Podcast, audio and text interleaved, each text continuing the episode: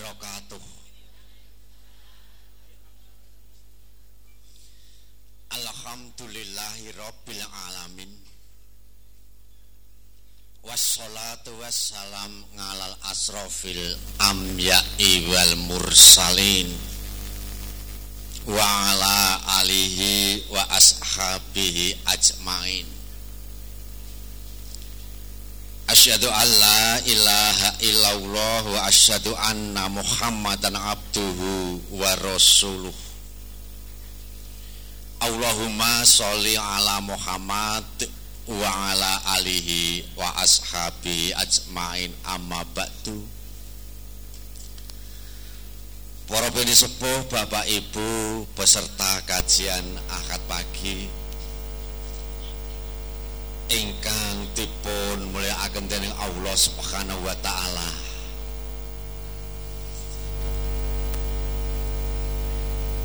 Enjang menika Ahad tanggal sekawan welas Jumadilawal sewu kawan atus kawan doso Hijriah tepat tanggal kali doso Januari kalih songolas Masehi kegandengan kalian wekdal. Sampun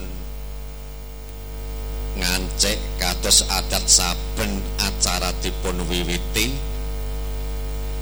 ajake menika kula ingkang kadhawuhan jadwal tugas ing enjang menika badhe ngaturaken susunan jadwalipun. Namung saderengipun kula ngaturaken susunan jadwal roncening upacara kajian akad pagi edisi ingkang angka sang dosa tiga ing enjang menika. Langkung rumiyin kula ngajak sesarengan monggo. Sami-sami kita mangalembono kita muji syukur dumateng ngarsanipun Allah Subhanahu wa taala kanthi izinipun Allah kita sedaya tasih dipun wungokaken dening Allah saking sarikala wau tasih pinaringan seger waras sehingga kita sedaya saged tindak wonten ing kajian Ahad pagi ing enjang menika. Amin. Allahumma amin kalajengaken kula aturaken jurnal Ahad pagi edisi ingkang angka sang dosa tiga Majelis Tablik Muhammadiyah cabang Blimbing daerah Sukoharjo. Tinten Ahad tanggal sekawan las Jumatil awal sewu kawan atus kawan dosa Hijriyah bertepatan tanggal kali dosa Januari kali ewu Masai wekdal jam 6 ngantos jam pitu tigang dosa menit. Mapan panggen wonten ing masjid Ponpes Imam Suhodo. Pilih ing enjang menika ingkang badhe ngaturaken tausiah. Penyanipun Ustadz Kiai Haji Ali Yusuf STHIM Hum pun anggota majelis tarjih pimpinan pusat Muhammadiyah. Ing injam menika mang ing injam menika mangke badhe ngaturaken setunggaling tema makna dan hakikat syahadat tain. Acara ingkang angka setunggal atur pembukaan kalajengaken acara ingkang angka kalih kajian sesi yang pertama selama 40 menit. Kalau jengakan acara engkang ongko tiga jeda untuk informasi. Acara engkang ongko sekawan kajian sesi yang kedua sampai dengan jam 7.30 menit. Kalau jengakan acara engkang pungkasan noningih penutup mekaten susunan acara kajian akad pagi wonten ing enjang menika.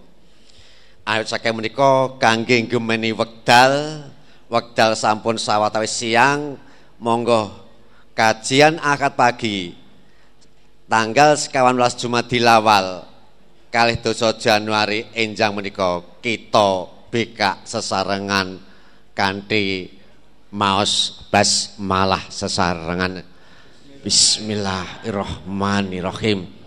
Selanjutnya waktu kami serahkan kepada Ustadz Kiai Haji Ali Yusuf 30 menit sesi yang pertama. Semoga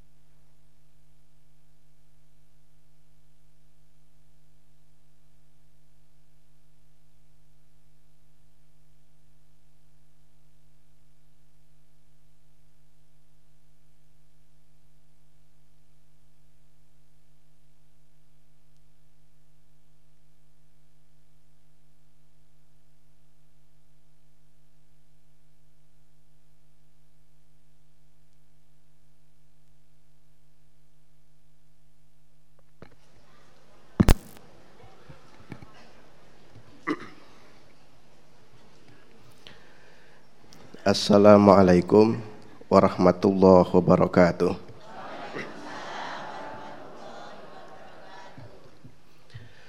Alhamdulillah. Wassalli ala rasulillah Muhammad ibn Abdullah. La hawla wa la quwata illa billah amma ba'du. Qala Allah Ta'ala fil Qur'anil Karim. A'udhu billahi minasyaitonir rajim يا أيها الذين آمنوا اتقوا الله اتقوا الله حق تقاته ولا تموتن إلا وأنتم مسلمون وقال صلى الله عليه وسلم فإن أصدق الحديث كتاب الله وإن أفضل الهدى هدى النبي صلى الله عليه وسلم وشر الأمور محدثاتها وكل محدثات بدعة وكل بدعة ضلالة وكل ضلالة في النار Bapak-bapak, ibu-ibu, jemaah sekalian yang dirahmati Allah Subhanahu wa taala. Berbahagia sekali pada kesempatan Ahad pagi ini saya bisa bersilaturahim dengan Bapak Ibu jemaah sekalian di pimpinan cabang apa Pak? Cabang Blimbing. Saya kebetulan pakai baju warna merah. Bukan berarti partainya merah, Pak ini kebetulan seragam majelis tarjihnya kebetulan kok milihnya warna merah. Seragam majelis tarjih. Bapak Ibu jemaah sekalian yang rahmat Allah Subhanahu wa taala, saya diminta untuk menjelaskan bab kaitan akidah. Maka saya ingin mengawali kajian ini dengan bagaimana kita kembali ulang memahami pentingnya makna syahadatain.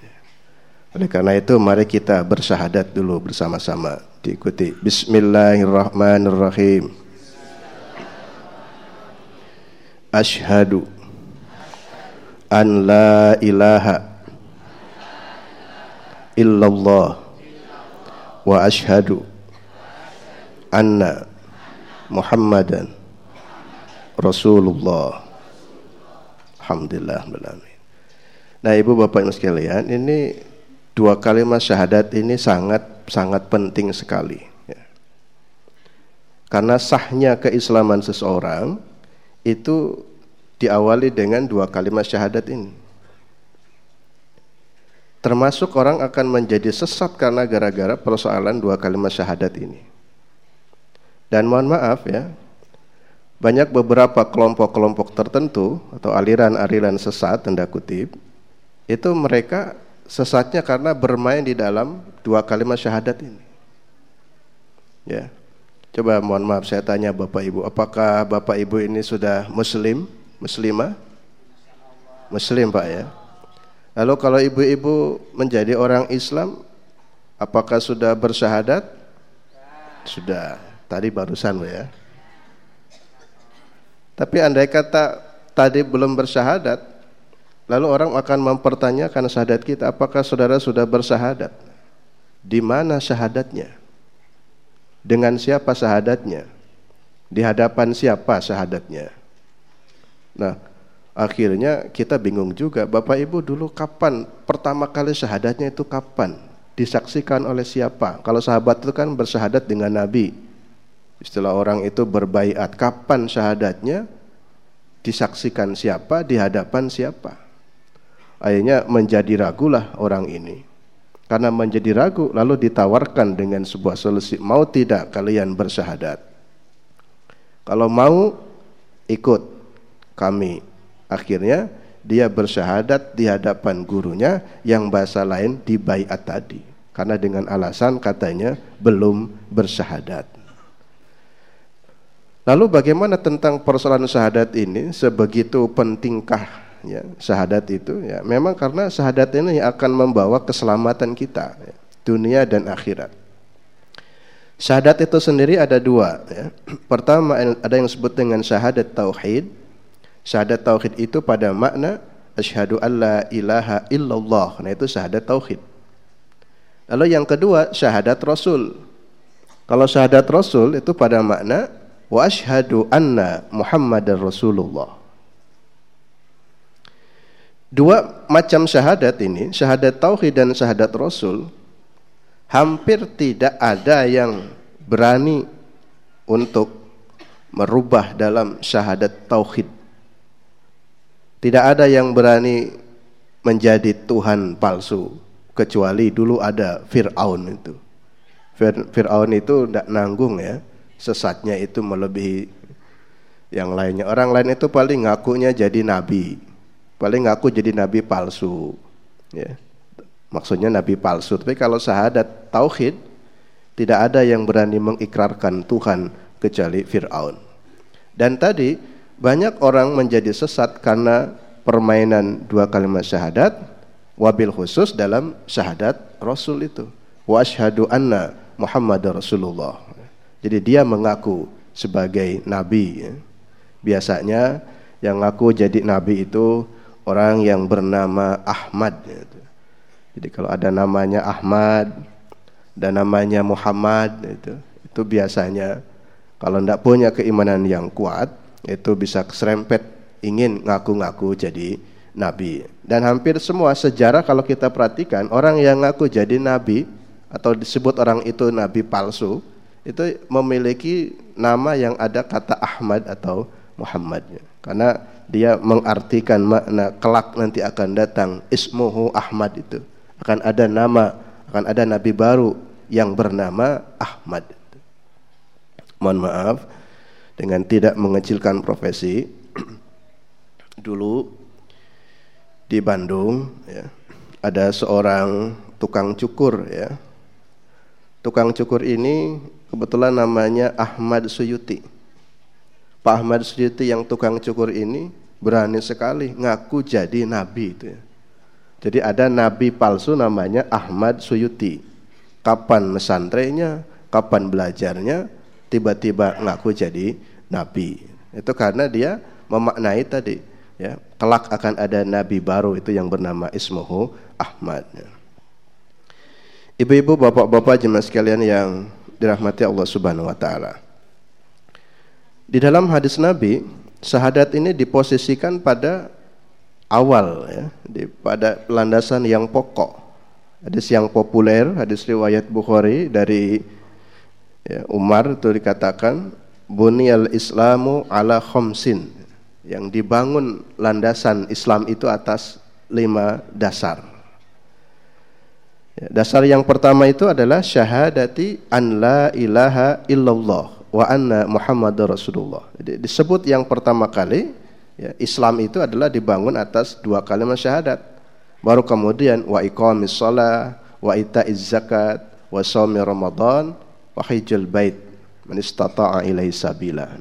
Jadi sebelum kita beramal soleh maka harus dijelas dulu, diperjelas dulu landasan akidahnya apa. Itu landasannya ya syahadat itu, dua kalimat syahadat. Ibu-ibu, bapak-bapak jemaah sekalian yang dirahmati Allah Subhanahu wa taala. kenapa dua kalimat syahadat itu menjadi sesuatu yang sangat penting. Ya. Paling tidak ada empat alasan kenapa dua kalimat syahadat menjadi sesuatu yang sangat penting. Yang pertama, karena syahadat itu sebagai madkhalun ilal Islam. Jadi pintu masuk ke dalam Islam itu syahadat. Di madkhalun ilal Islam, pintu masuk gerbang seseorang masuk ke dalam Islam itu lewat lewat syahadat. Mohon maaf ya, walaupun ada orang yang mungkin sosialnya baik, dia suka membantu, dia suka menolong, tapi dia belum bersyahadat. Alias dia bukan muslim, alias dia bukan muslimah. Maka semua kebaikan-kebaikan di dunianya yang tidak dilandasi dengan syahadat, tidak dilandasi dengan tauhid, maka sia-sialah amalnya ya. Karena kan paket dalam Quran kan kebanyakan menyebutkan alladzina amanu wa amilus solihati orang yang beriman dan beramal soleh. Jadi iman dulu. Nah, ciri atau wujud bentuk keimanan seseorang diwujudkan dengan lafad dua kalimat syahadat itu. Jadi ini menjadi menjadi penting. Ya. Dan tadi saya ingin mengatakan eh, ada kelompok sesat yang bermain dengan syahadat itu. Biasanya masuk ke kampus-kampus ya. Karena saya punya santri dulu, uh, dia punya kasusnya di kampusnya ikut kajian lalu kemudian tadi diajak ya, diajak untuk bersyahadat ulang karena kamu belum bersyahadat syahadatmu belum jelas sebagaimana sahabat bersyahadat di hadapan Nabi kamu bersyahadatnya di hadapan siapa hanya diajak untuk bersyahadat ulang tetapi dengan cara mengikuti ya, kelompok tertentu Lalu kalau kita tanya kapan kita bersyahadat, sebenarnya kita itu sudah bersyahadat jauh sebelumnya. Bahkan sebelum kita lahir, kita sudah bersyahadat. Ya. Seperti dijelaskan dalam surat Al-A'raf ayat 172 Wa id akhadha rabbuka min bani adama min duhurihim dzurriyyatahum wa ashhadahum ala anfusihim alastu bi rabbikum qalu bala syahidna. Jadi dulu sudah ada dialog ya. Dialog antara Allah sebagai Tuhan kita dengan kita sebagai hambanya. Itu dalam bentuk dialog pertanyaan. Allah tanya, ya. Washhadahum. Allah mengambil kesaksian kepada mereka orang-orang ya, maksudnya janin-janin itu ala anfusihim atas diri mereka dengan satu pertanyaan alastu birabbikum Bukankah aku ini Tuhanmu? Alastu birabbikum? Bukankah aku ini Tuhanmu? Kata Allah. Lalu qalu bala syahidna. Benar ya Allah. Kami bersaksi engkaulah Tuhan kami. Jadi sebetulnya sejak kita berada di rahim ibu kita masing-masing, kita itu semuanya sudah bersyahadat. Sebenarnya kita ini sudah bertauhid. Tidak ada orang Kristen, tidak ada orang Hindu Buddha, semuanya itu muslim, semuanya sudah bersahadat di hadapan Allah. Sehingga kata Nabi, lalu kenapa menjadi berbeda? Ada yang Islam, ada yang tidak Islam. Itu yang menyebabkan perbedaan itu karena nanti bapak, ibunya, lingkungannya yang membuatkan berbeda. Tetapi semuanya itu sama bertauhid. Seperti dalam hadis Nabi kan, bahwa anak itu terlahir yuladu alal fitrah. Semua anak yang dilahirkan itu semuanya dalam fitrah. Nah, fitrah itu dalam keadaan tauhid. Ini sebetulnya semuanya tahu Allah sebagai Tuhannya. Itu tauhid, ya. Jadi tanpa ya kita umpamanya ditanya kapan bersahadatnya, ya sejak dulu kita sudah bersahadat. Yang kemudian dengan penuh kesadaran kita memahami makna dua kalimat syahadat, kemudian kita tetap konsisten menjadi seorang muslim yang baik. Itu sudah benar. Jadi tidak ada yang yang keliru. Dan kita juga tidak tidak ragu untuk jangan mau apa dikatakan kamu Islamnya keturunan. Ya, bukan sekedar Islam keturunan, memang dari awal sudah Islam, sudah muslim. Kebetulan keturunan saya muslim, maka alhamdulillah saya berada dalam keadaan muslim. Lalu jika dalam lahir dalam keadaan fitrah kemudian dia keluar dari fitrah keluar dari Islam atau murtad ya maka ketika kembali ke Islam lagi dia barulah harus mengucapkan syahadat ulang tapi kalau kita berasal dari fitrah berasal dari fitrah lingkungan yang fitrah semuanya fitrah dalam keadaan muslim kita tidak perlu untuk bersyahadat ulang di hadapan seseorang jadi sudah cukup dengan pemahaman yang kita pahami itu. Lain halnya tadi orang sudah keluar dari fitrahnya, kembali ingin kepada fitrah, maka dia harus bersyahadat lagi karena syahadat itu merupakan madkhalun ilal Islam. Itu pintu gerbangnya Islamnya lewat syahadat itu. Yang kedua, kenapa dua kalimat syahadat itu menjadi sesuatu yang sangat penting ya. Karena syahadatain itu adalah khulasatun ta'alimil Islam. Jadi inti sari ajaran Islam itu ya syahadat itu. Inti sari ajaran Islam itu adalah an la ilaha illallah itu. Bagaimana ajaran tauhid ini kita kita tanamkan ke dalam jiwa kita ya.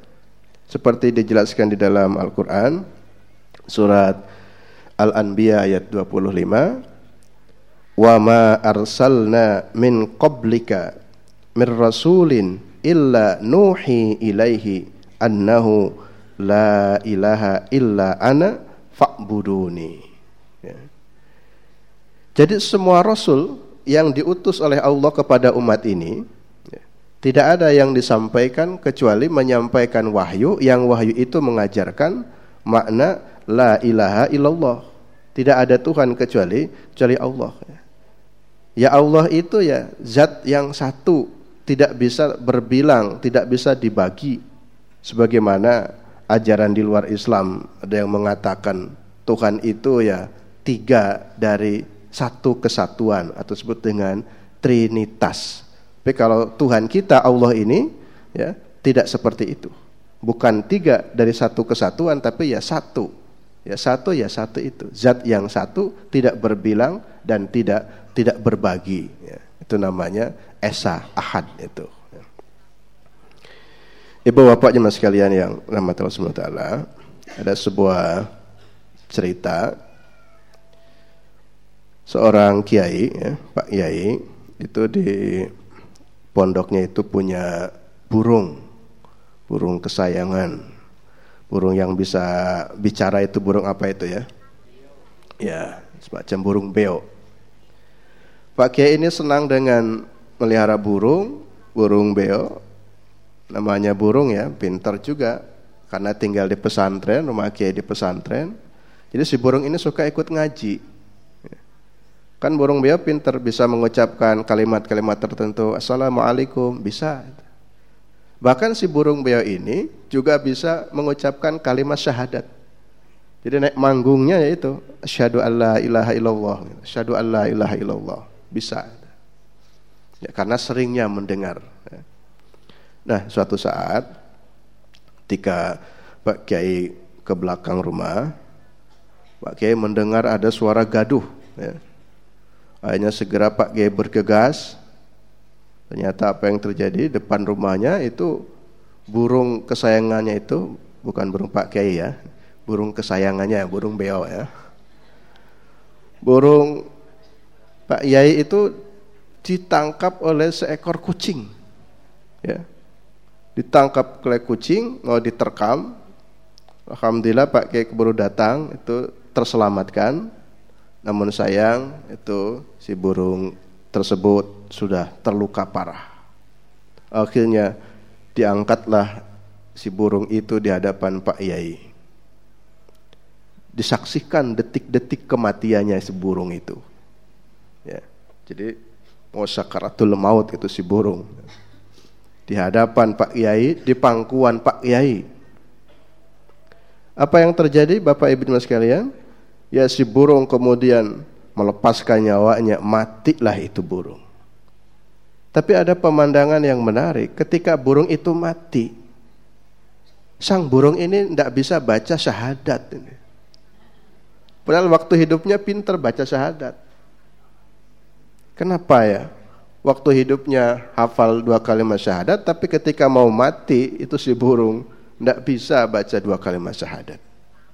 Kenapa bu? Ya karena burung pak ya, tidak bisa dua kalimat syahadat. Dan Pak Kiainya pun sudah tahu burungnya mau mati. Sudah tahu burungnya mau sakaratul maut juga tidak ditalkin tuh. Ayo rung, syahadat lurung. Tidak ditalkin itu sang burung. Padahal tahu itu burung kesayangannya mau mati detik-detik sakaratul mautnya langsung di hadapan Pak Kiai, tapi Pak Kiai tidak membimbing dengan la ilaha illallah. Apa yang ingin saya katakan dari cerita ini bahwa ibu jemaah sekalian syahadat kita itu jangan seperti syahadatnya burung. Ya.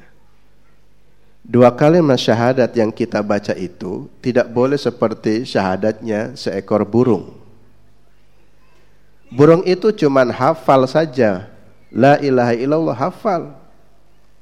Tetapi hafalnya burung dengan kalimat syahadat tidak bisa menghantarkan keselamatan untuk akhirat. Ya. Kalau suruh baca syahadat di tes satu-satu, saya kira Bapak Ibu jemaah sekalian semuanya hafal. Bahkan anak TK yang kecil pun sudah hafal syahadat itu. Tapi persoalannya apakah kita ini paham dengan makna syahadat? Apakah kita ini sudah betul-betul paham apa kandungan dari dua kalimat syahadat tersebut? Nah, itulah yang ingin saya katakan. Jangan sampai syahadat kita ini seperti syahadatnya burung. Syahadat burung itu yang cuma hafal di lisan, tapi sang burung tidak paham apa yang dia ucapkan. Kita paham setiap hari kita bersyahadat dalam sehari semalam minimal baca syahadat berapa Bapak Ibu? Berapa kali sehari semalam minimalnya? Hmm? Lima kali. Kita tahiyatnya kan berapa kali tahiyatnya? Subuh sekali, duhur dua kali tahiyat, asar dua kali, maghrib dua kali, isya dua kali. Jadi sembilan. Minimalnya orang sholat lima waktu ya, itu dia sudah bersyahadat sembilan kali diulang-ulang. Tetapi banyak orang yang bersyahadat sampai sembilan kali minimalnya. Namun perilakunya seperti menunjukkan perilaku orang yang belum paham dua kalimat syahadat. Ya. Sembilan kali minimalnya dia baca syahadat dalam sholat yang lima waktu, dalam tahiyat itu. Tetapi sembilan kali itu pula tidak ada perubahan dari sikap karakter yang menunjukkan dia sebagai seorang muslim, muslim yang bertauhid. Ya. Umpamanya orang korupsi, orang maksiat, tapi sholatnya tetap jalan. Sebetulnya orang yang korupsi walaupun ngakunya Muslim, ya dia orang yang Islam tetapi tidak paham makna dua kalimat syahadat. Jadi jangan sampai seperti burung cuman bisa melafadzkan la ilaha illallah tetapi tidak paham makna la ilaha illallah tersebut. Memang di dalam hadis Nabi juga ada hadis yang menjelaskan hadis riwayat Bukhari dari Anas bin Malik. Man Allah barang siapa yang berjumpa dengan Allah, ya, berjumpa dengan Allah berarti ya sudah meninggal. Siapa orang yang berjumpa dengan Allah, la yusriku bihi syai'an, ya, lalu tidak berbuat syirik kepada Allah sedikit pun maka jaminannya adalah dakhalal jannah dia akan masuk surga. Siapa orang yang meninggalnya dalam keadaan la ilaha illallah ya, tidak dalam keadaan syirik sedikit pun maka dakhalal jannata dia akan masuk surga sedikit pun ini begini Bapak Ibu ya saya kasih contoh umpamanya ini minuman air putih. Air putih ini bersih. Ini gambaran sebagai tauhid. Orang bertauhid itu betul-betul murni, bersih, tidak boleh tercampur sedikit pun. Tidak boleh tercampur sedikit pun dengan kotoran. Atau kalau dikasih lagi ya, ini air susu berwarna putih, manis, warnanya tetap putih, dikasih gula, manis.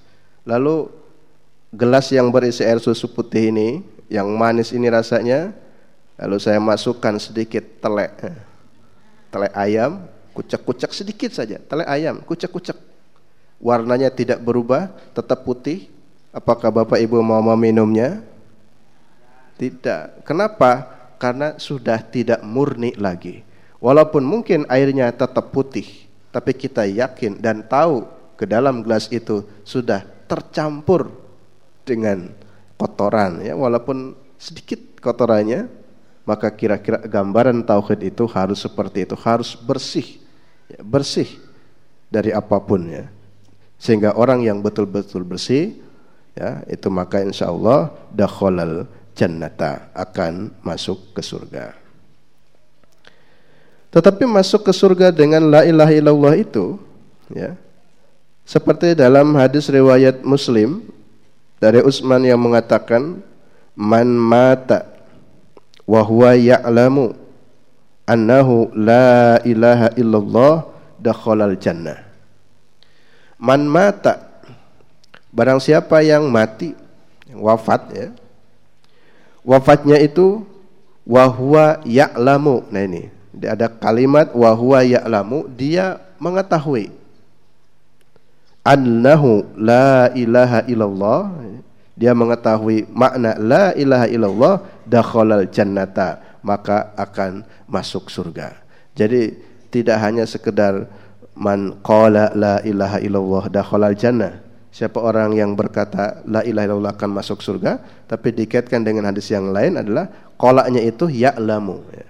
Jadi man mata wa huwa ya'lamu, dia mengetahui, dia memahami an la ilaha illallah, maka matinya akan dakhalal jannata, masuk ke dalam surga.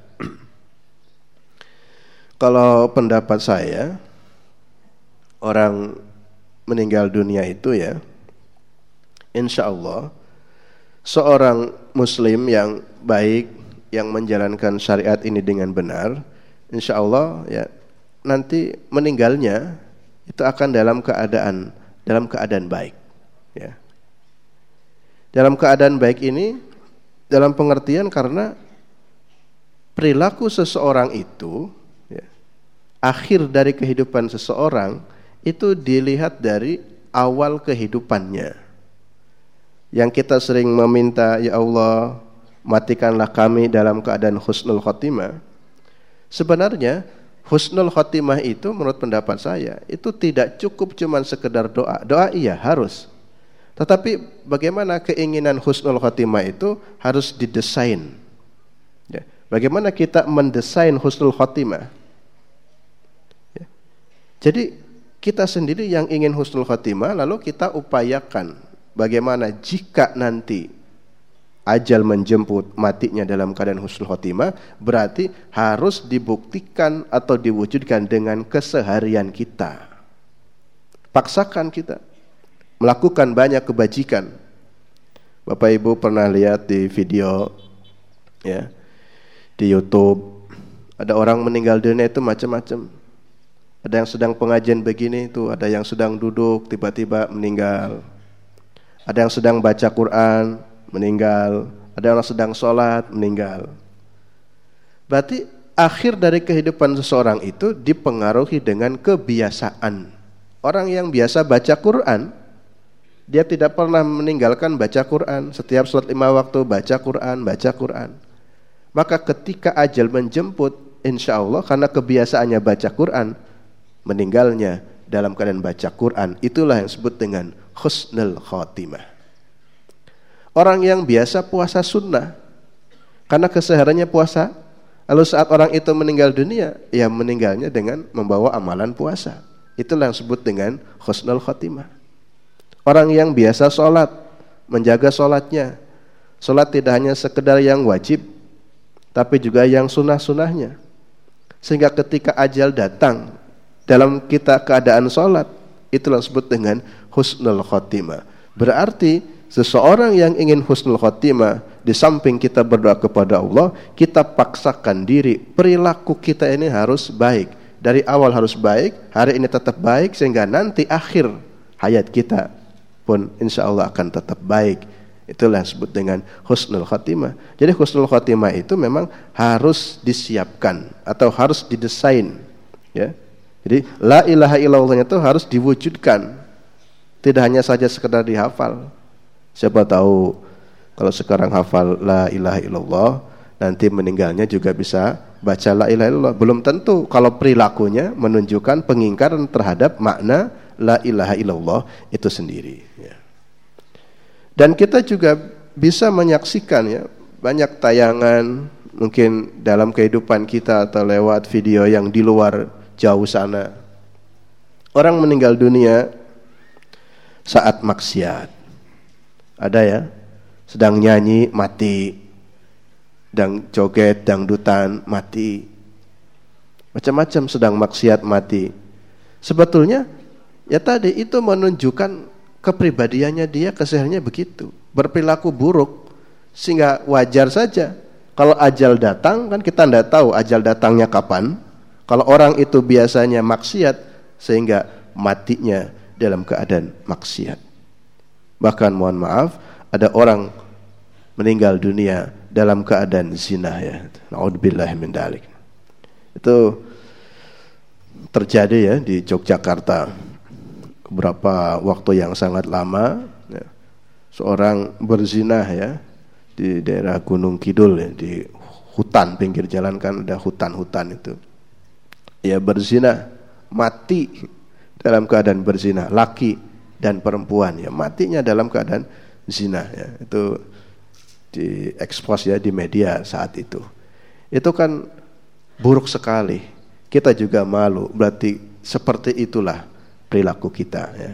Jadi husnul khotimahnya tidak bisa cukup dengan doa tanpa diwujudkan dengan bentuk keseharian kita ya.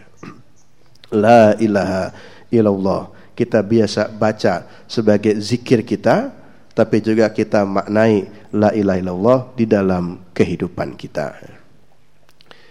Termasuk juga Bapak Ibu dan sekalian, kadangkala kita juga sering mengatakan begini ya, nanti kalau kamu meninggal dunia akan ditanya oleh malaikat. Pertanyaannya apa itu, Bapak Ibu? Man rabbuka? Siapa Tuhanmu? Jawabannya apa? Allah. Kok sudah tahu pertanyaannya? Ada bocorannya apa ini? Jadi pertanyaannya ada bocoran dari malaikat ya. Jadi ketika nanti ditanya kalau dikubur nanti buka siapa Rabbmu atau siapa Tuhanmu nanti kita jawab Allah itu kalimat seperti itu tidak perlu dihafalkan Nggak perlu bapak ibu menghafalkan atau bilang pada anak kita, nak, nek sesok mati ditanya malaikat, man robuka jawabannya Allah ya. Nggak begitu. Man nabiuka, nek ditanya sopo nabimu, kamu jawab Muhammad. Nggak harus begitu. Tidak harus dihafalkan.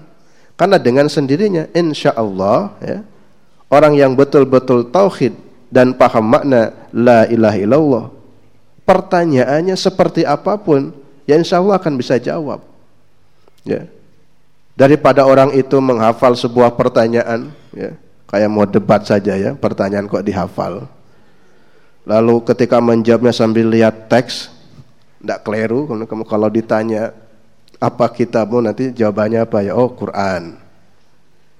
Tanpa harus dihafal, dengan sendirinya orang-orang yang bertauhid itu akan bisa menjawab apa pun pertanyaan dari malaikat nanti. Jadi yang penting ya perbaiki saja tauhid kita ya. Pertanyaannya tidak perlu kita ingin tahu seperti apa. Anda kata tidak tahu pun orang yang bertauhid insya Allah dengan sendirinya akan bisa menjawab ya semua persoalan atau nanti hisab-hisabnya di akhirat nanti. Jadi di sini yang perlu ditekankan tadi dalam hadis Nabi itu jadi man mata wa huwa ya'lamu. Itu dia ya'lamu, dia mengetahui. Annahu la ilaha illallah dia mengetahui dari sebuah makna la ilaha illallah dakhalal jannata maka matinya akan masuk ke dalam surga. Ya. ini yang kedua. Pentingnya dua kalimat syahadat karena dua kalimat syahadat itu sebagai intisari dari ajaran Islam ada istirahat dulu. C, istirahat dulu.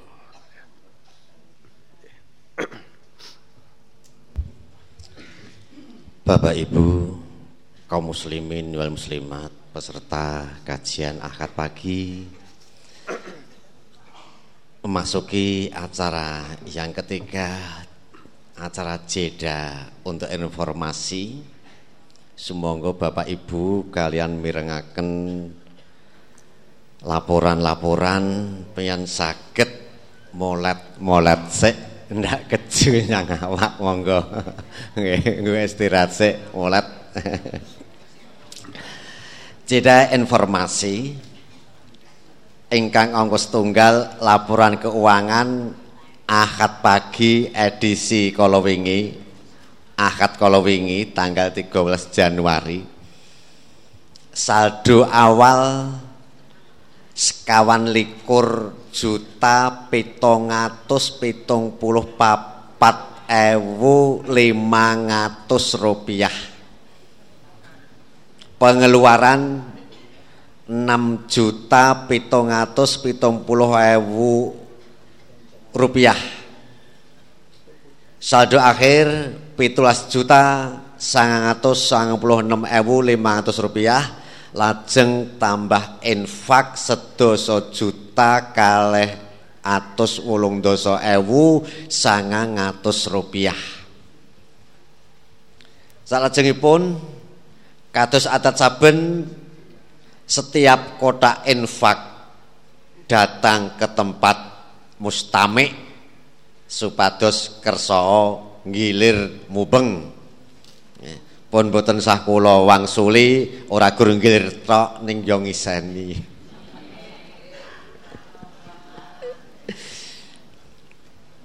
Salajengipun insyaallah benjing akad keempat kajian akad pagi badhe dipun ginakaken kangge tanya jawab agami. Mila dumateng jamaah ingkang badhe nyuwun pirsa saged nyerat pertanyaan mangke saged dikempalaken wonten ing kotak infak naikanipun dipun puter. Lan insya Allah badhe dipun jawab dening Ustadz Solahuddin Siriyar LCMI LCMA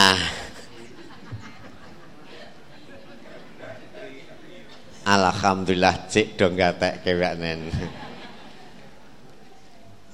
Lajeng pekan enjang akad menika ingkang pikantuk giliran dana organisasi saking hasil infak akad pagi nggih menika pimpinan ranting Muhammadiyah saha pimpinan ranting Aisyah Trengklik. Mangke sak sampunipun rampung kajian menika saged mendhet wonten ing sumber suara mriki. Ugi kangge para jamaah ingkang tasih wonten bad, ingkang badhe ngersakaken stempel majelis tablik saged hubungan mangke kalian Mas Kolib wonten ing meja presensi depan gerbang. Informasi kajian akad ingkang badhe dateng akad depan tanggal 17 Januari edisi ingkang ongkos sangang dosa sekawan benjing akad insya Allah pembicara penyanipun Ustadz Kiai Haji Sanif Ali Sahbana LC penyanipun Mudir Mahat Salman Al Farsi saking Karanganyar. Kandi betot tema politik modern dalam perspektif syariat ingkang pungkasan menika saking SMK Muhammadiyah Pontren Imam Suhodo. Pilih SMK Muhammadiyah Pontren Imam Suwodo membuka pendaftaran siswa baru. Tahun pelajaran kalih ewu songolas kalih ewu kalih doso inggih menika mbikak program reguler soho program pri pesantren gelombang pertama tanggal setunggal Februari ngantos tanggal kalih Maret kalih ewu songo eh.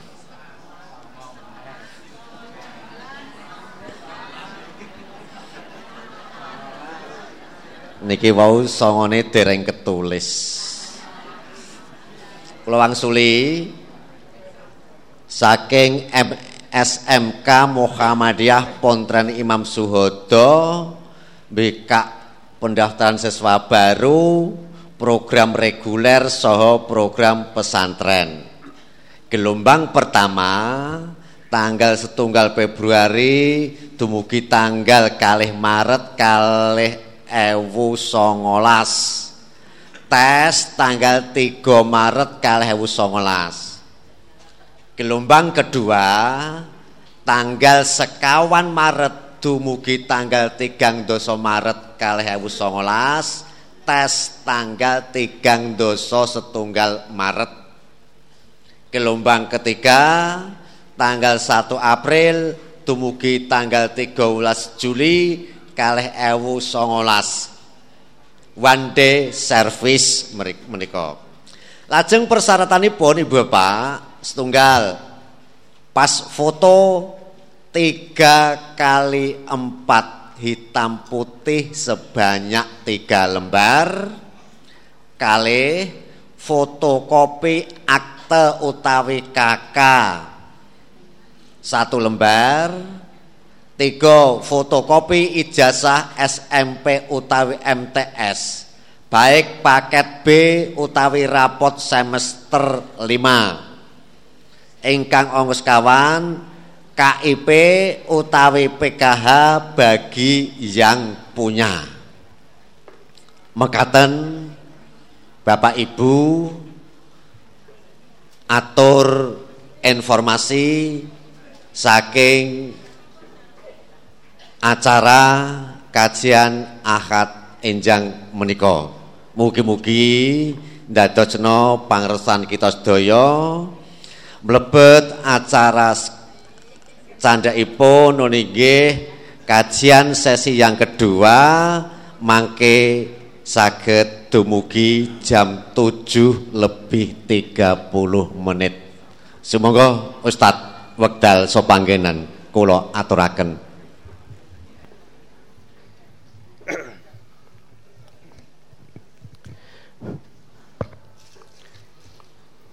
Baik. Bapak Ibu, jemaat sekalian yang dirahmati Allah Subhanahu wa taala, kita lanjutkan.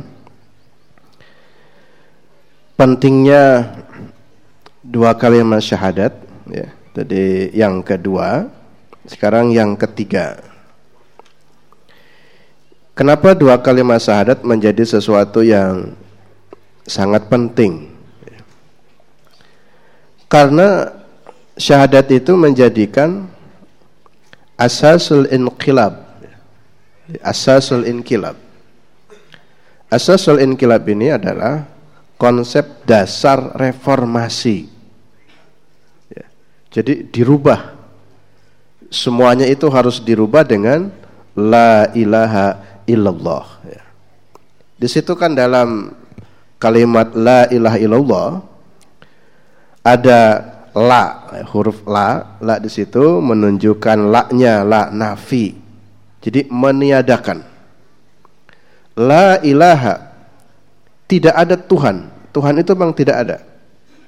Tidak ada Tuhan. Tuhan apa pun tidak ada. Tuhan anak Tuhan ibu Tuhan benda Tuhan materi tidak ada Tuhan.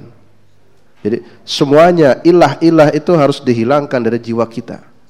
Kita tidak boleh menuhankan jabatan kita tidak boleh menuhankan apa pun. Itu konsep dasar reformasi total dalam jiwa kita. Kita hilangkan semua la ilah. Tidak ada ilah. Ilah bukan sekedar pemahaman orang-orang jahiliyah menyembah patung. Lalu kemudian menyembah pohon besar, sesaji. Mungkin ilah-ilah yang semacam itu zaman modern sekarang sudah mulai hilang. Tetapi ilah-ilah dalam bentuk yang lain. Kita masih dipenjara dengan ilah-ilah. Kita masih sering nyender dengan kursi yang enak. Kita takut kalau kehilangan kursi yang empuk. Karena dia hilang rasa yakin dan percaya bahwa sebenarnya ada Tuhan yang sebenarnya illallah. Jadi ilah yang keduanya sebagai isbat. Illallah. Kalau la yang pertama la ilah, tidak ada Tuhan. Ya, Tuhan memang tidak ada. Ya. Coba kalau dibaca Tuhan dengan cepat, jadinya apa itu? Tuhan, Tuhan tuh hantu, Tuhan. Jadi Tuhan bisa jadi hantu, Tuhan, Tuhan, Tuhan, Tuhan. Memang tidak ada Tuhan-Tuhan itu. Yang ada siapa? Illallah. Nah itu. Yang ada adalah illallah, illallah nah itu. Allah. Itu sebagai bentuk isbatnya. Kita nafikan semua bentuk-bentuk Tuhan, tapi kemudian kita tetapkan ada Tuhan itu ada. Tuhan yang sebenarnya adalah Allah tapi bukan Tuhan materi, bukan Tuhan yang lainnya. Tuhan yang sebenarnya adalah Allah itu. Maka Allahus Somad itu. Allah tempat menyandar. Sandaran kita itu Allah. Jangan takut. Ya. Jangan takut dengan kehilangan rezeki. Jika harus meninggalkan satu hal yang itu mendatangkan maksiat, karena Allah akan menyiapkan dengan bentuk yang lain rezekinya. Ya, rezekinya karena Allah sebagai sandaran kita, Allahu Somad. Jangan takut untuk ya, menegakkan kebenaran karena banyak orang takut menegakkan kebenaran dengan alasan takut nanti tidak punya jabatan. Jangan takut hilang jabatan karena Allah sudah menyiapkan keistimewaan yang lainnya bagi orang-orang yang tadi mau menegakkan kalimat tauhid di dalam jiwanya. Ini sebut dengan asasul inkilab itu ya betul konsep dasar reformasi kita hilangkan ilah-ilah la ilaha lalu kita tetapkan illallah Berbeda dengan orang ateis. Ya. Orang ateis itu hanya berhenti pada kalimat la ilah itu. Tidak ada Tuhan, selesai. Tuhan memang tidak ada. Yang ada adalah kita manusia. Baik dan buruk terserah kita. Yang menentukan kecelakaan dan kebahagiaan ya terserah kita. Jadi dia menafikan Tuhan. Dia nafikan betul-betul dengan sebenar-benarnya tidak ada Tuhan. Itu tentu orang ateis. Kalau kita tidak ilahnya kita hilangkan, tapi kemudian kita isbatkan illallah, ada Allah itu. Jangan sampai berpendapat Tuhan tidak ada. Ya. Dan berhati-hati ya, paham ateis juga banyak. Ya. Paham ateis bisa menjelma masuk ke dalam rusuk-rusuk partai, paham ateis bisa menjelma masuk ke dalam bentuk-bentuk organisasi atau dalam bentuk-bentuk yang lainnya yang meniadakan ya, Tuhan. Jadi keberadaan Tuhan itu tidak ada. Yang ada adalah kita, kita sendiri. Itu paham ateis. Tapi paham kita Islam tidak begitu. Syahadatnya harus lengkap. La ilaha illallah. Itu. Nah, ibu-ibu, bapak-bapak jemaah sekalian yang rahmat Allah di dalam bab kematian juga kaitan sakaratul maut ya. Dalam sakaratul maut juga kan diperintahkan untuk laqinu laqinu amwatakum la ilaha illallah. Laqinu talkinkanlah. Talkinkanlah laqinu amwatakum ya. Amwat itu memang dalam bahasa Arabnya bentuk ya madi sudah mati. Jadi sebenarnya kalau membaca teksnya talkinkanlah orang itu kalau sudah mati. Jadi kalau sudah mati baru dibacakan la ilaha illallah. Tapi maksud di sini adalah amwat itu maknanya idza hadaral maut gitu. Apabila akan datang kematian, hadir kematian menjemput seseorang, maka kita bimbing, kita bantu, kita talkinkan dengan kalimat la ilaha illallah. Mungkin Bapak Ibu pernah menyaksikan ya seseorang saat akan meninggal dunia detik-detik terakhir sakaratul maut ya, kita bisa mendampingi dengan dibacakan talqin la ilaha illallah. Nanti dilihat saja ya ritme napasnya. La ilaha illallah. Nanti mungkin napasnya semakin cepat semakin pendek. Ya, itu kalau sudah mendapati begitu itu tidak harus la ilaha illallah juga apa-apa. Yang penting kalimat tauhid. Allah Allah itu jadi jangan dipaksakan harus lengkap la ilaha illallah. Karena bisa jadi la ilah mati. Kan artinya apa nanti? Tidak ada Tuhan. Kan bahaya nanti di akhir hayatnya membaca la ilah klek habis tidak ada Tuhan. Jadi dilihat saja ya kondisinya. Walaupun di situ kalimatnya lakinu amwatakum la ilaha illallah sampai lengkap ya. Dalam kitab Nelo Autor itu bab la ilaha illallah juga banyak dijelaskan ya. Tapi cara membimbing itu para ulama tidak menyukai dengan cepat, dengan tergesa-gesa ya. Jadi jangan la ilaha illallah, la ilaha illallah, jangan begitu. Jadi sampai dipahamkan satu kalimat tersebut kepada orang yang akan naja, yang akan meninggal dunia.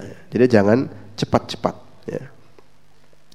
Nah biasanya kalau orang-orang torikot ya, orang-orang torikot, orang-orang sufi itu untuk memantapkan eh, la ilaha illallah itu beliau mereka-mereka orang-orang sufi torikot itu uh, dilafadkan dalam bentuk zikir. Dari sisi maksudnya mungkin bisa dibenarkan. Tapi dari sisi aturan, kaidah, tuntunan itu tentu tidak benar karena Rasulullah tidak seperti itu. Misalkan ya, ini hanya untuk memantapkan kalimat Allahnya dalam bentuk zikir. Misalnya, Afdalu bidzikri annahu la ilaha illallah la ilaha illallah la ilaha illallah itu dimantapkan illallah nanti makin cepat la ilaha illallah la ilaha illallah la ilaha illallah illallah illallah itu la ilahnya jadi hilang.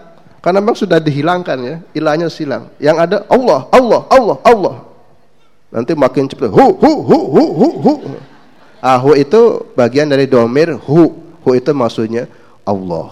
Itu awalnya biasa la ilaha illallah sambil kepalanya bergoyang-goyang goyangannya ke mana bapak ibu? Kan kiri. La ilaha itu apa ke atas bawah itu sebetulnya ada rumusannya itu. Bukan goyang ke kanan ke kiri, la ilah illallah, la bukan begitu. Atau bukan ke atas bawah, la la illallah, la bukan. Tapi la ilah illallah itu coba Bapak Ibu praktekkan menulis lafaz Allah. Pakai kepala ya tulis lafaz Allah. La ilaha illallah. Nah itu. Jadi Allah digerakkan oleh kepala. Nulis lafaz Allah oleh kepala coba. La ilaha illallah. La ilaha illallah. Nah itu. Ya. Jadi mereka memahamkan kalimat itu untuk sebagai penegas saja. La ilaha illallah, illallah, illallah. Nah, itu. Nanti ujungnya ilahnya hilang, tinggal illallah, illallah. Yang ada Allah, Allah, Allah, Allah. Allahnya pun jadi hilang lagi. Tinggal domir. Hu hu hu hu hu. Saya dulu waktu di pondok pesantren Darul Arkom Muhammadiyah Bogor ya. Saya kebetulan asli Jawa Barat. Di masjid kami Masjid Muhammadiyah ya setelah sholat subuh ya zikirnya kan lirih sir ya karena dalam Quran kan sebutkan wadkur rabbaka fi nafsika tadarruan wa khifatan wa dunal jahr. Jadi kalau berdoa kepada Allah itu ya fi nafsika cukup dalam jiwamu. Ya. Kemudian tadarru dengan penuh tadarru kita merendahkan diri, menghinakan diri di hadapan Allah. Lalu yang ber, yang berikutnya Al-Quran katakan wadunal jahr. Jangan keras. Jadi kalau berzikir itu tidak usah keras-keras. Cukup lirih, sir. Andai kata terdengar pun cukup di sini aja. Astagfirullah, astagfirullah, la ilaha illallah. Ya, cukup begitu. Jangan sampai mengganggu. Jadi di masjid kami yang Muhammadiyah cara berzikirnya seperti itu. Tapi di masjid sebelah berzikirnya dengan keras tadi. La ilaha illallah. Pakai pengeras suara lagi ya. Nah itu kan menjadi sesuatu yang sebenarnya ya tidak benar menurut tuntunan menurut kaidah. Nabi tidak seperti itu. Walaupun mereka tadi maksudnya baik ya ingin menekankan bahwa la ilaha illallah itu bagian bentuk konsentrasi dalam berzikir Fokus, fokus, fokus hanya kepada Allah. Allah, Allah, Allah, Allah. Ya. La ilaha illallah. Jadi kembali kepada kenapa syahadat itu menjadi penting? Karena syahadat itu menjadi asasul inkilab. Asasul inkilab itu adalah tadi konsep dasar reformasi. Kita harus reformasi jiwa kita. Ya. Kita ini masih sering terjajah. Terjajah dengan ilah-ilah kita belum merdeka. Maka kita harus merdekakan jiwa kita dari ilah-ilah, dari Tuhan-Tuhan ya, yang menghantui jiwa kita. Tuhan-Tuhan yang menyerbu jiwa-jiwa kita. Mengakibatkan kita menjadi kotor jiwa ini. Maka kita bersihkan, kita merdekakan dari penjajahan ilah-ilah itu, merdekakan dengan kemenangan illallah, illallah itu. Ya. Nah di sini perlu ada upaya ya, mereformasi diri. Pertama tentu reformasi diri itu merubah merubah diri, merubah keadaan, merubah satu kondisi dari sebelumnya tidak baik menjadi baik atau dari sebelumnya sudah baik menjadi lebih baik lagi. Itu namanya konsep perubahan. Dan itu perubahan itu bisa dirubah dengan perubahan syahadat dulu. Ya. Kita berdoa kepada Allah tapi upaya kita juga harus merubah. Seperti dijelaskan di dalam surat Ar-Ra'du ayat 11 ya. Ayat ini populer yang potongan ayatnya Innallaha la yughayyiru ma biqaumin hatta yughayyiru ma bi anfusihim. Innallaha sesungguhnya Allah itu la yughayyiru. Allah tidak akan merubah ma biqaumin nasib seseorang nasib satu kaum. Hatta yughayyiru ma bi anfusihim sehingga dirinya lah yang merubah. Sehingga kaumnya lah yang merubah itu. Jadi bukan Allah langsung yang merubah. Tapi kita ada upaya ada proses ingin berubah tidak? Kalau ingin berubah upayakan ya. Lakukan perubahan dalam diri kita. Yang melakukan kita sendiri. Jangan menunggu berharap Allah yang akan merubahnya. Ya. Karena istilah hidayah hidayah itu kan ada dua macam ya. Pertama ada yang disebut dengan hidayah itu adalah ad-dalalah wal mursidah yang kedua hidayah itu adalah ada idkhalul iman ilal qalbi. Hidayah dalam pengertian ad-dalalah wal mursidah sebuah petunjuk maka kita harus aktif. Kita tidak bisa mengatakan, Ya Allah, berikanlah kami hidayah. Ya Allah, berikanlah kami hidayah. Kita berdoa terus, Ya Allah, minta hidayah, minta hidayah. Tapi kita tidak aktif menjemput hidayah, itu tidak bisa. Hidayah-hidayah yang bernama adalah wal mursidah ini tidak akan pernah didapati oleh seseorang kalau kitanya tidak aktif menjemput. Ya, contoh kita datang pengajian. Ini dalam rangka menjemput hidayah. Semakin sering kita ikut kajian, maka hidayah itu akan semakin kuat kepada kita, datang pada kita. Tapi orang yang tidak pernah datang ngaji, orang yang tidak suka ikut kajian, dia hanya di rumah saja. Dia cuma bilang, "Ya Allah, kapan hidayah datang?" Ya enggak bisa. Hidayah yang semacam ini harus dijemput. Jadi hidayah ini bisa dilakukan oleh manusia para ustadz, para dai, penceramah, dia sampaikan hidayah, hidayah dalam pengertian petunjuk.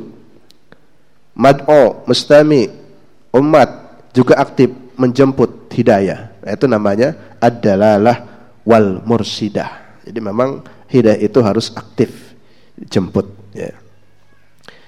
Kalau di Muhammadiyah para ustadz punya ciri khas ya. Kalau menutup pengajiannya dengan kalimat billahi taufik wal hidayah baru assalamualaikum billahi taufik wal hidayah. Tapi ada juga ustadz yang membacanya billahi hidayah wat taufik ya. Ada yang bila hidayah billahi taufik wal hidayah, taufik dulu wal hidayah dan ada yang bila hidayah wat taufik. Itu yang betul hidayah dulu atau taufik dulu, Bapak Ibu? Ya, bila hidayah wa taufik ataukah billahi taufik wal hidayah? Kalau kata murid saya yang betul ya taufik dulu ya. Karena namanya taufik hidayat. Main bulu tangkis itu betul taufik hidayat. Billahi taufik wal hidayah. Apa bedanya taufik dan hidayah? Uh, hidayah itu artinya petunjuk. Hidayah itu petunjuk. Kalau taufik itu artinya kesesuaian antara petunjuk dan perilaku. Itu namanya taufik.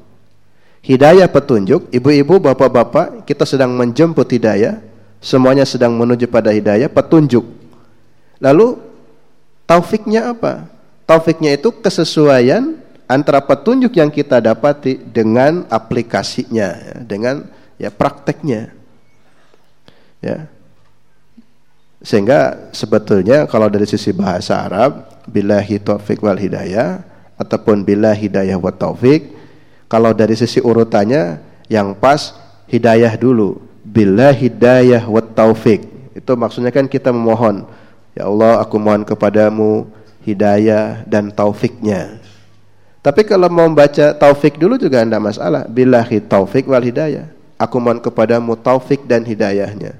Karena ya wawunya di situ kan bilahi taufik wal hidayah. Wawu wawunya di situ ya tidak harus menunjukkan litartib ya. Litartib itu urutannya harus itu dulu. Tidak mesti ya itu hanya ya atau saja dan.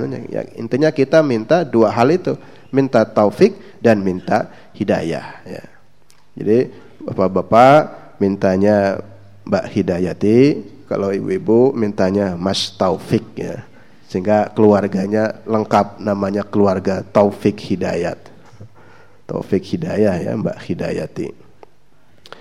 Nah, jadi itu. Yang kedua, tauf apa hidayah itu ada yang sebut dengan idkhalul iman ilal qalbi. Nah, idkhalul iman ilal qalbi memasukkan iman ke dalam hati itu haknya Allah. Kalau memasukkan iman ke dalam hati haknya Allah. Kita hanya berupaya tetapi Allah lah yang punya hak untuk memasukkan atau tidak. Dan kita jangan bosan untuk terus menyampaikan dakwah ini, khususnya dakwah tauhid, ya. Jangan bosan untuk menyampaikan dakwah ini terserah umat mau menerima apa tidak. Jangan bosan untuk menyampaikan dakwah tauhid ini. Sebagaimana dakwah ini dilakukan oleh para nabi dan para rasul, persoalan umat mau menerima tauhid atau tidak itu bukan persoalan kita, bagi para dai yang menyampaikan dakwah tauhid itu ya. Seperti kisah Nabi yang dimakan oleh ikan hiu, Nabi apa itu Bapak Ibu? Nabi Yunus ya. Nabi Yunus ini dalam kisah perjalanan hidupnya akan dimakan ikan hiu. Kalau saya baca ya, tentang sejarah Nabi Yunus ini, Nabi Yunus ini mendakwahkan tauhid dan hampir semua para nabi, para rasul itulah mendakwahkan tauhid. Nah, kita sambungkan dengan yang keempat ya. E, pentingnya pentingnya makna dua kalimat syahadat karena dua kalimat satu sebagai hakikatul dakwati rasul. Hakikat dakwah para rasul itu adalah menyampaikan dakwah tauhid ya. Itu yang keempat pentingnya syahadat itu. Jadi kenapa syahadat menjadi penting? Karena syahadat itu sebagai syahadat tauhid itu merupakan uh, hakikat dakwah para nabi para rasul yakni menyampaikan dakwah tauhid terlebih dahulu. Nah, tadi saya ingin beri contoh Nabi Yunus ya, semua para nabi menyampaikan dakwah tauhid ini. Nabi Yunus ketika berdakwah mungkin ya sisi kemanusiaannya juga wajar saya kira sebagai manusia biasa pada umumnya nabi dan rasul pun manusia biasa namanya berdakwah ada kalanya diterima, ada kalanya ditolak. Nah, umat Nabi Yunus ini banyaknya yang menolak dakwah Nabi Yunus. Jadi semua para nabi memang banyak yang ditolak dakwahnya. Umatnya hanya sedikit. Bukan ribuan seperti di sini. Di umat Nabi Yunus itu sedikit yang mau ikut dakwah Nabi Yunus. Bertahun-tahun beliau berdakwah, tapi sedikit sekali orang yang mau ikut dakwah Yunus. Akhirnya tanda kutip Yunus merasa jenuh, frustasi, capek. Akhirnya ia bermaksud untuk meninggalkan negeri itu, meninggalkan kampung itu. Bahasa lain, bosen, diundang tidak datang-datang, sudah capek nunggu tidak hadir atau ya diajak tidak mau dan seterusnya lah ya. Akhirnya Nabi Yunus ingin meninggalkan dakwah ini. Lalu ada sebagian orang-orang yang beriman menahan mencegah Nabi Yunus. Wahai Nabi, jangan tinggalkan kami. Bimbing kami terus dalam hidayah Allah ini. Kalau engkau tinggalkan kami, bagaimana nasib kami? Dan Yunus bilang, kira-kira saya sudah berusaha mengajak, tapi banyak yang menolak. Saya sudah lama menyampaikan dakwah ini, tapi sedikit sekali orang yang mau mengikuti dakwah ini. Bahkan tidak sedikit pula orang yang membenci dakwah Nabi Yunus ini. Ya, rengekan sebagian orang yang beriman untuk tidak meninggalkan kampung ini, rupa-rupanya tidak didengarkan oleh Nabi Yunus. Akhirnya Yunus putuskan untuk pergi meninggalkan kampung tersebut. Akhirnya sampailah kepada uh, tepi laut yang harus meninggalkan kampung itu melewati laut, nyebrang laut. Semua naik ke dalam perahu. Namanya perahu dulu ya, dengan sekarang berbeda. Kalau sekarang kan pakai tiket ya. Kalau nggak pakai tiket kan nggak boleh naik. Dulu mungkin asal naik. Ternyata sudah di tengah laut, sang nakoda merasa ada sesuatu yang tidak nyaman dalam perjalanan ini. Muatannya terlalu over, kapasitas terlalu berat. Maka mau tidak mau harus ada satu orang yang turun dari perahu ini. Lalu siapa yang mau? Tidak ada, tidak ada yang mau. Termasuk Ya, mohon maaf Nabi Yunus pun juga tidak mau nyebur ke laut karena resikonya tahu mati. Tapi sang nakoda harus tegas untuk menyelamatkan nyawa yang banyak harus mengorbankan satu nyawa. Daripada tidak ada semuanya yang mau, maka akan ya korbannya semuanya. Akhirnya diputuskan harus diundi. Siapa yang mendapatkan undian, dialah yang harus lompat ke laut. Resikonya mati, tanggung sendiri. Ini kesepakatan untuk menyelamatkan semuanya. Nah, saat diundi, ternyata yang dapat undian itu Nabi Yunus. Yunus yang harus lompat ke laut.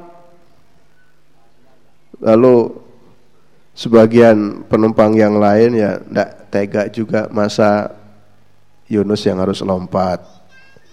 Kasihan, ya. bagaimanapun juga kan itu ustadz kami Rasul. Lalu bagaimana? Ya sudah diundi lagi. Diundi lagi ternyata yang keluar nama Yunus lagi. Ya, orang-orang juga aneh kenapa yang keluar ini namanya ya Yunus terus. Ya. Kemudian sang nakoda juga bingung karena semuanya tidak mengizinkan tapi harus menyelamatkan jiwa yang banyak hanya diputuskan sudahlah ini undian terakhir undian yang ketiga siapa pun yang terkena undian ini maka semuanya mengikhlaskan diri harus lompat ke laut ini untuk menyelamatkan jiwa yang banyak.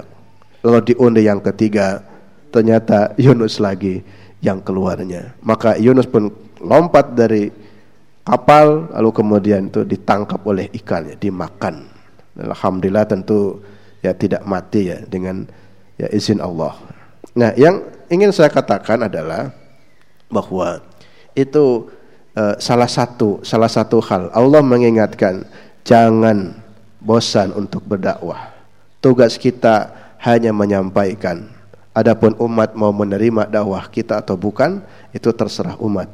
Jadi tugas para nabi, para rasul dan pewaris para nabi, para ulama kita, para dai, para asatid dan semuanya juga menyampaikan ini terus menerus karena dakwah tauhid merupakan hakikat dakwah para nabi dan para rasul seperti dijelaskan dalam surat An-Nahl ayat 36 walaqad ba'atsna fi kulli ummatin rasulan anibudullaha wajtanibut tagut. Ya. Jadi kami mengutus Rasul itu kepada setiap umat. Artinya setiap umat mesti ada Rasulnya. Dan tugas Rasul itu ada dua. Pertama dakwah para Rasul adalah menyampaikan anik budullah supaya mengajak manusia untuk menyembah kepada Allah, memahamkan kalimat la ilaha illallah dan tugas yang kedua dakwah para rasul itu adalah mengingatkan orang supaya wajtanibut tagut menjauhi tagut. Apa itu makna tagut? Kalau kata Umar bin Khattab, at-tagut yakni wa huwa asyaiton. Tagut itu artinya setan. Jadi kita tinggalkan setan-setan. Atau tagut itu kata Ibnu Taimiyah, beliau katakan tagut itu adalah ma'ubida min dunillah. Segala sesuatu yang disembah selain Allah itu adalah taugut. Bapak Ibu jemaah sekalian yang dirahmati Allah Subhanahu wa taala, saya kira cukup dulu untuk kajian kita pada kesempatan kali ini. Belum setengah delapan, bonus 15 menit. Untuk yang lainnya, saya kebetulan jam 10-nya harus ngisi di PWM biar perjalanannya uh, cukup. Bapak Ibu jemaah sekalian yang dirahmati Allah Subhanahu taala, kiranya demikian untuk kajian kita pada kesempatan kali ini kita memahami ulang tentang kandungan makna la ilaha illallah. Akhirnya kurang lebihnya mohon maaf. Billahi taufik wal hidayah. Assalamualaikum warahmatullahi wabarakatuh. Terima kasih untuk Yai Haji Ali Yusuf. Semoga apa yang telah dipaparkan menambah pencerahan kepada semua para mustami' kaum muslimin wal muslimat rahimakumullah ibu-ibu bapak-bapak peserta kajian akad pagi. Mekaten acara mboko acara wonten ing enjang menika sampun kita lampai dumawah acara ingkang pungkasan inggih acara penutup. Monggo kajian akad pagi 14 Jumadil Lawal 1440 Hijriah